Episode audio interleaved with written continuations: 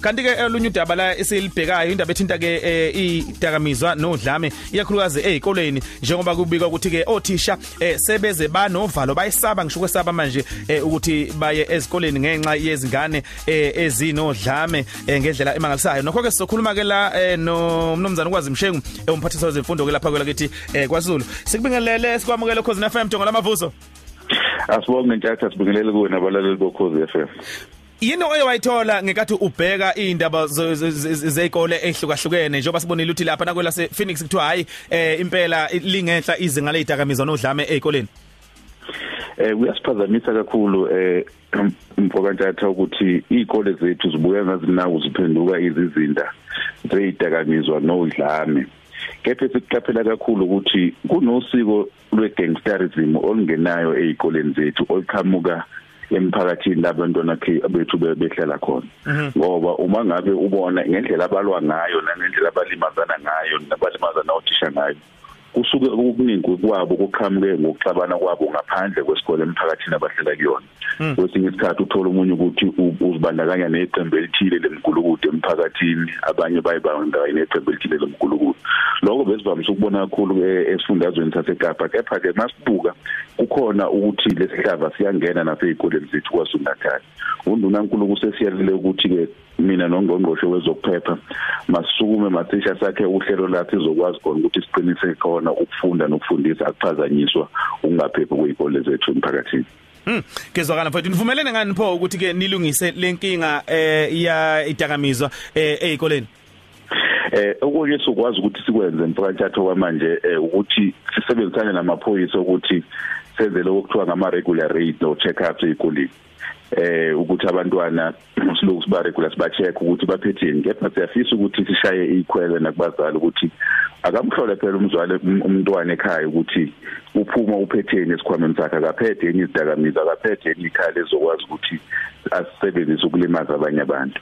Eh sizozama ukuthi siphinde sifake nisandise nesibalo sama security emasangweni. Ukuze sikwazi ukuthi izinto ezifana nalezi sikwazi ukucheck ngaphandle ukuthi abantwana bangene nazo esikoleni. Kepha ke sinxuseke nomphakathi ngoba ngeke sikwazi ukuphumelela empokantatha singakwazi ukusebenzisana nomphakathi ngoba lezi idakamizwa abayithathayo bayithenga emphakathini. Naw siyanxusa ukuthi abadayisayo bangakwazi bangayidayiseli ingane ezisafunda ngakube idakamizwa ngakube utshwala including nogwayi ngoba lezo zinto sibuye zizophazamisa ukufunda nokufundisa ngaphakathi esikoleni.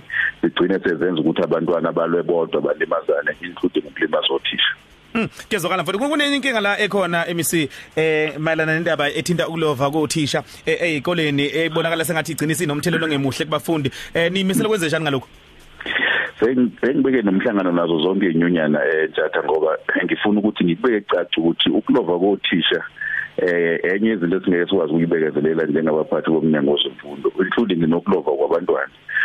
Bayilezileke ezinye zezinto ezenza ukuthi othisha babalove ezikoleni kepha sivumelene ngakho ukuthi into esihlanganisa kakhulu nabo njengamabaphathi benyonyana ukuthi sonke sikwazi ukukhiqiza imiphumela efanele abantwana bethu. So funa konke senze sure ukuthi asenza i-environment ukufunda nokufundisa kube iyona elekelela ukuthi siphumelele njengesizwe ngoba othisha uma ngabe belove ezikoleni abanye befika late abanye behamba eh singakaphumi isikole. Lokho kwenza ukuthi abantwana baphazamiseke ekuthenini yonke isyllabus icover icoverisheke ngendlela okuyiyona. Kepha nanokuthi bagcine sebeluza ama-hour okufundiseka ngoba phela ukufundisa nakuhamba nama-hour ukuthi kukaliwe ukuthi umntwana afunde isikhathi esingakanani ukuze ezokwazi ukukhiqiza imiphumela engakanani. So uma ngabe othisha bezolova ezikoleni eh kuyakuphazamisa lokho sikubiza nge-core business ye-department yethu ukuthi okwethu ukufunda ukufunda ukufundisa. Okay. Sasiphetha nje mphathiso naludaba la olithinta inyunyana yothisha inathi solokuthi ke usubuyile umkhonyuvo kudayiswa kwezikhala zo zothisha enhloko nezothisha nje jikelele kwaZulu Natal eh noqashwa ke kothisha enhloko ezikoleni ke abakaze enhlobo bafaka izicelo eh zomsebenzi. Kuthini uPaulo kwakho ngalezi inzono? Eh ngolesihlanu bengivakashele endaweni yase Phoenix eh la bengikade ngizwe khona iAssociation yama SGPs. Olunye lo daba abalikhulumile nami ukuthi eh kuneyinzolo abathi ziqinile zokudayiswa eh kwama post othisha nokuqasheka kothisha abangaqualify kanjalo no principal including ungasetshenziswa kuyimali ekade zezikole. So ke ngithathile lelo daba ngase ngithi ke kungekudala ngizoke ngiphonse ithimba ngicube ithimba enthatha ukuthi kweliphenya ukuthi la ube ngempela lo mkhuba usubuyilini ukuze mangabe kukhona abatholakalayo ukuthi bayabandakanyeka ekudayiseni kwama-post othisha eh sikwazi ukuthatha inyathelo ezinqala ngoba akufanele kube khona umuntu oqashwayo engaqualify nomuntu ozoqashwa ngoba ukwazi ukwazele omunye nomunye uzothatha imali ukuze kuqasheke umuntu ongakwazi ukuthi ongaqualify so isihlava leso esibulala ukufunda nokufundisa kwethu esibulala i-department yethu. So sizokwazi ukuthi sibhekane nako ngo emva kophenyo olutshesha solenza Donga lamavuso siyabonga kakhulu umntaka baba. Eh sibona ukukhuthela kwakho nje zisuka amadaka. Sengathi ungaqhubeka mfowethu eh nalomgqiqo nawo. Sikufisela inhlanhla Siyabonga njalo siyabonga mfowethu.